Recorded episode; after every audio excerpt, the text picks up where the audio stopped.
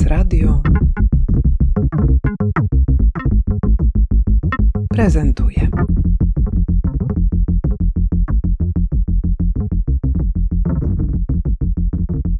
Klaudia Obremska, historyczka sztuki, redaktorka naczelna poradnika dobrych praktyk architektonicznych dla socmodernizmu, Towarzystwo Opieki nad Zabytkami, oddział warszawski. Po co powstał ten przewodnik? Dlaczego doszliście do wniosku, że należy go zrobić? Dlaczego teraz? Po co? Po to, żeby poznawać, po to, żeby edukować, po to, żeby przeprowadzać remonty w sposób nieurągający czci wiary architektury socmodernistycznej, po to, żeby nam się wszystkim żyło lepiej w tej architekturze i żebyśmy potrafili jeszcze raz na nowo odkryć jej piękno już dłuższy czas po tym, jak ona powstała. No dobra, ale to jest odpowiedź też na te dyskusje, które toczą się właściwie od dziesiątków lat na temat jakości tej architektury. Y, nie tylko estetycznej wartości, ale przede wszystkim jej walorów no, dużo bardziej złożonych. I tutaj chyba y, sytuacja zmusza tak naprawdę do zastanowienia się nad socmodernizmem, ponieważ obiekty znikają, bardziej skomplikowane założenia urbanistyczne są modyfikowane, dogęszczane. Bardzo dużo zachodzi procesów, które modyfikują to, czym ta socmoderna, mówiąc popularnym językiem, była. I wasz poradnik pojawia się w momencie, który no niektórzy uznają, że jest już za późno dla wielu obiektów, ale być może coś jeszcze można uratować. Anna Cymer, historyczka architektury i popularyzatorka architektury. To ja chętnie powiem, bo ja jestem zaproszona do współpracy przy tym poradniku, który został opracowany przez Klaudię i dobrany przez nią zespół i ja bym, więc jej nie wypada tego powiedzieć, ale ja to powiem i podkreślę to bardzo wyraźnie. To jest bezcenna publikacja właśnie z tych powodów, o których mówisz, Czyli, że to nie jest książka o budynkach socmodernistycznych traktowanych jako fajne obiekty architektury, wręcz takie gadżety po prostu w modnym stylu, tylko to jest książka, na którą wcale nie jest za późno, ponieważ ona ma pomóc zachować tą architekturę w najbardziej dosłowny sposób, czyli po prostu na przykład ją wyremontować. To jest to, o czym bardzo często się mówi od czasu tytułu książki Filipa Springera Źle urodzone, od samego początku mówi się o tej architekturze, że ona się źle starzeje, że te budynki są takie obskurne, zaniedbane. E, I tutaj poradnik ma pomóc pokazać, że można y, jakby działać wobec tej architektury z wielkim szacunkiem, jednocześnie przywracając jej funkcjonalność. My nie musimy tych obiektów traktować jak zabytki w skansenie, tylko my możemy je remontować, my możemy je modernizować, my możemy zmieniać im funkcję nawet, ale to nie stoi, nie musi stać w sprzeczności z uszanowaniem ich pierwotnej formy.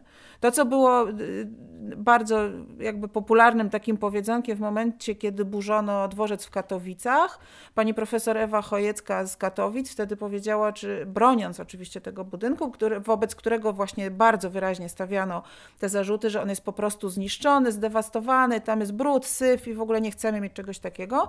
I tam jakby profesor wtedy powiedziała, ale czy jak jesteś brudny, to się myjesz, czy popełniasz samobójstwo? No i to jest jakby trochę, trochę w taki brutalny sposób podejście do tej architektury. Czasami naprawdę wystarczy te budynki umyć, żeby wszyscy oszaleli na ich punkcie.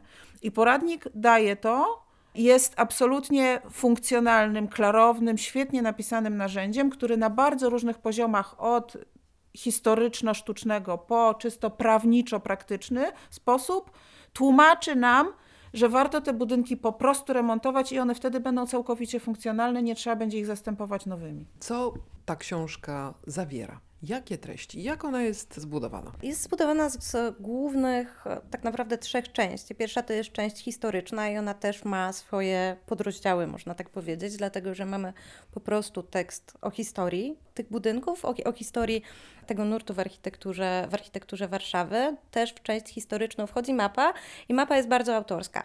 Mapa jest bardzo autorska, bo to nie są najwybitniejsze obiekty, to nie są budynki w najlepszym stanie. To są budynki, które my po prostu jako autorzy uznaliśmy za najciekawsze z naszych, czasami wyłącznie podyktowanych naszym gustem powodów. Dlatego, że tego socmodernizmu wokół nas jest ciągle bardzo dużo i warto go odkrywać, warto, żeby każdy sobie znalazł taki swój ulubiony budynek tudzież obiekt. Nasz poradnik ma troszeczkę pomóc wejść w taki rozruch, e, rozćwiczyć się w tym, ale jak najbardziej zachęcamy do tego, żeby sobie spacerować i odkrywać własne socmodernistyczne perełki. Poza tym w części historycznej są również eseje ekspertów i to też jest dla mnie, dla mnie to był e, bardzo, bardzo istotny element, dlatego że chciałam tutaj również, żeby to były wybory autorskie. Nie ingerowałam absolutnie ani ja, ani my jako zespół tworzący ten poradnik nie ingerowaliśmy w pomysły, o których autorzy będą pisać. Wychodziliśmy z założenia, że oni doskonale wiedzą, co jest dla nich najważniejsze, najbardziej interesujące.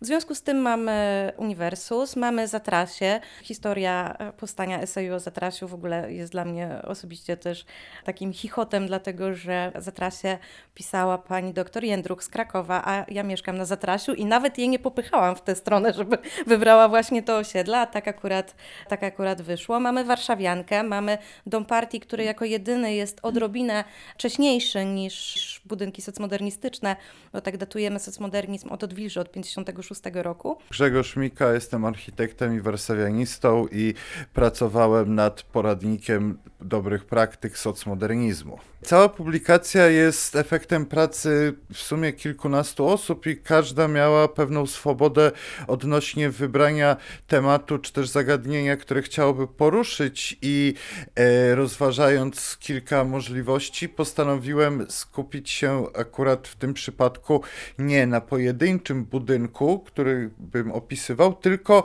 na problemie osiedla zespołu urbanistycznego, konkretnego osiedla senatorska Długa Bielańska, które znajduje się praktycznie w samym centrum Warszawy. I tak jak inni autorzy, opracowałem na podstawie materiałów źródłowych esej będący pewną opowieścią na temat samego projektu, no, na temat tego, jak ukształtowana jest ta urbanistyka i architektura, i też trochę opowiadając na odpowiadając, jak to osiedle współcześnie funkcjonuje, czy też istnieje w tkance miejskiej, gdyż ono jest zlokalizowane w takim bardzo newralgicznym, w cudzysłowie, fragmencie warszawskiego śródmieścia, na pograniczu tej historycznej Starej Warszawy i tego powojennego centrum oraz Muranowa. Jakie są największe wyzwania związane z utrzymaniem w dobrej kondycji tego, co zostało w, no, w tkance miasta, akurat w tym konkretnym przypadku Warszawy, ale z tamtego okresu, z okresu socmodernizmu? Z technicznego punktu widzenia w zasadzie problem dziedzictwa ro rozdziela się na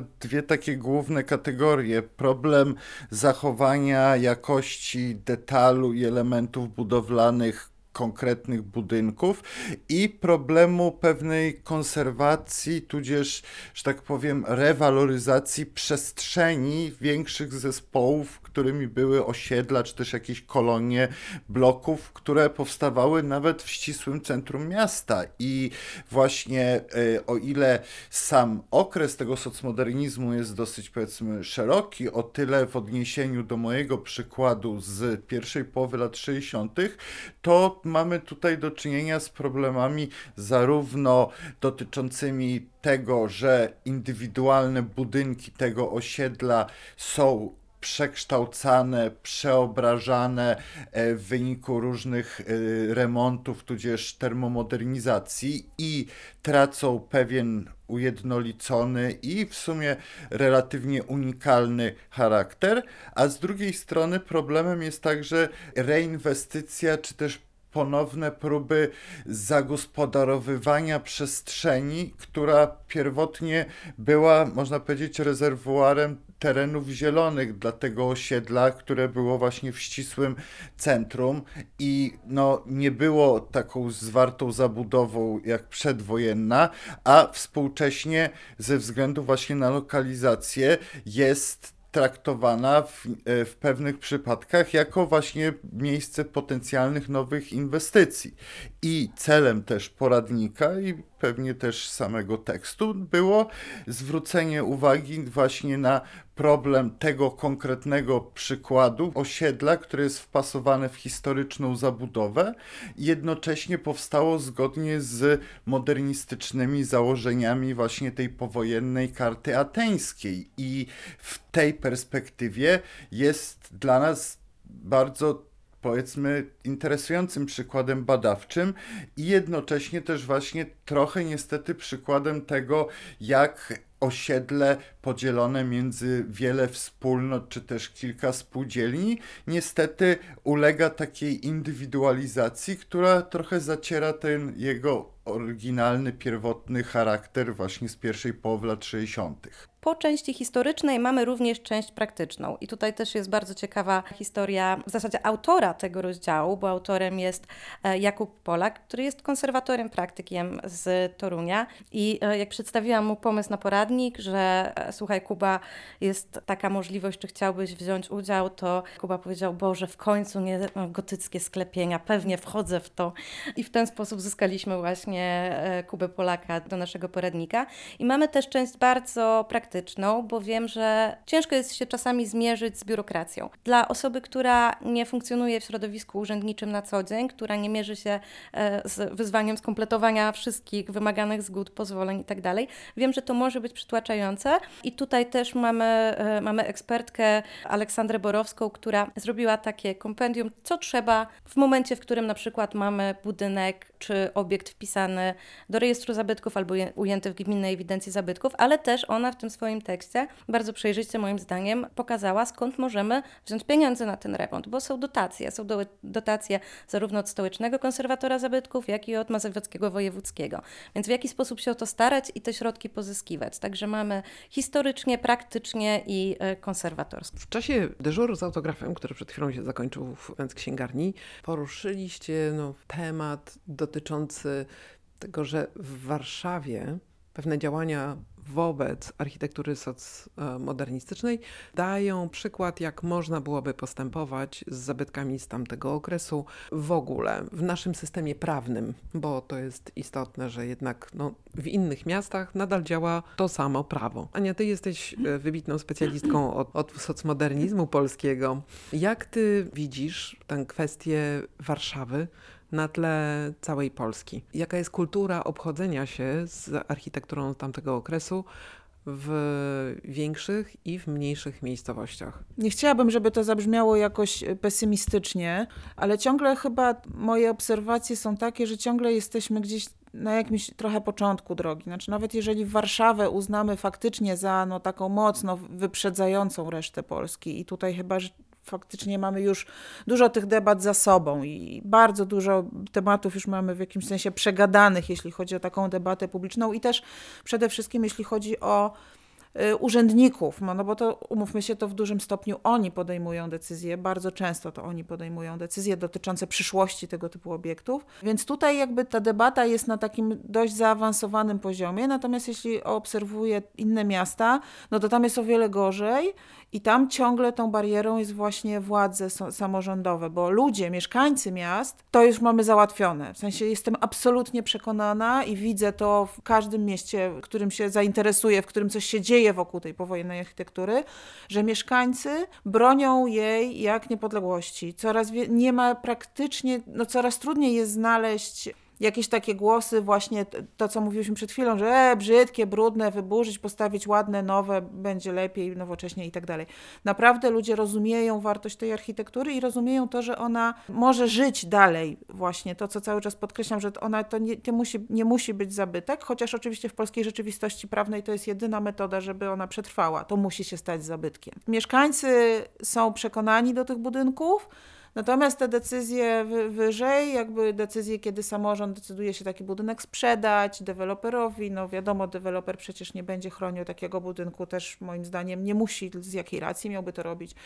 Więc jakby tutaj ciągle jest problem na tych jakby wyższych, wyższych poziomach, takich już no decyzyjnych niestety, więc cały czas te problemy są i cały czas te budynki znikają oczywiście z innych miast i to jest bardzo smutne i to jest bardzo, y, bardzo negatywne zjawisko, które rzeczywiście ciągle się, ciągle się dzieje, ale też wiem, że, że właśnie no te takie, nazwijmy to środowiska, bo, czy to stowarzyszenia rozmaite, no po prostu właśnie ludzie, którzy starają się działać na rzecz lepszego zrozumienia tej architektury i jakiegoś tam jej och- ochronienia przed dewastacją, y, bardzo często się powołują na Warszawę, że Warszawa jest absolutnie takim wzorem i wszyscy nam zazdroszczą, czy to stołecznego konserwatora zabytków, czy to wpisów y, do rejestru y, obiektów powojennych. Są miasta w Polsce, gdzie z architektury powojennej w rejestrze zabytków jest jeden budynek, może dwa, no a w Warszawie są ich dziesiątki.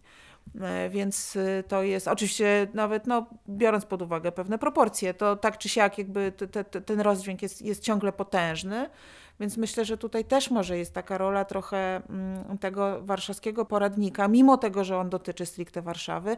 Myślę, że on też może być narzędziem, taką inspiracją po prostu dla, dla innych miast. To w takim razie koniecznie musimy powiedzieć o tym, jak można wejść w posiadanie tej książki. Jak ją można zdobyć, bo nakład jest niewielki. Tak, e, nakład jest e, niewielki. Z tego co wiem, jeszcze jest trochę egzemplarzy w Biurze Stołecznego Konserwatora Zabytków, e, plus oczywiście w Fundacji Będzmiana, ale też PDFy są dostępne online, więc nawet w momencie, w którym skończy się nakład papierowy, do czego się zbliżamy, to będzie to funkcjonowało i będzie, e, będzie do pobrania w sieci. I też myślę właśnie, że w przypadku akurat tego poradnika, bo pozostałe, które funkcjonowały w tej serii, są stricte dla dzielnic warszawskich. Oczywiście tam też jest wiele przydatnych, praktycznych informacji, które przydadzą się też mieszkańcom innych miast, natomiast ten, mimo tego, że opowiada o budynkach w Warszawie, treści w nim e, zawarte są uniwersalne dla budynków na terenie całego kraju. Także zachęcam również mieszkańców e, spoza stolicy, żeby sięgnęli, przejrzeli, zobaczyli, może znajdą coś tam interesującego dla siebie również. Bardzo Wam dziękuję za rozmowę. Dziękujemy. Dziękujemy. I też muszę powiedzieć, że jak przychodzą do naszej Będ Księgarni osoby z innych miast,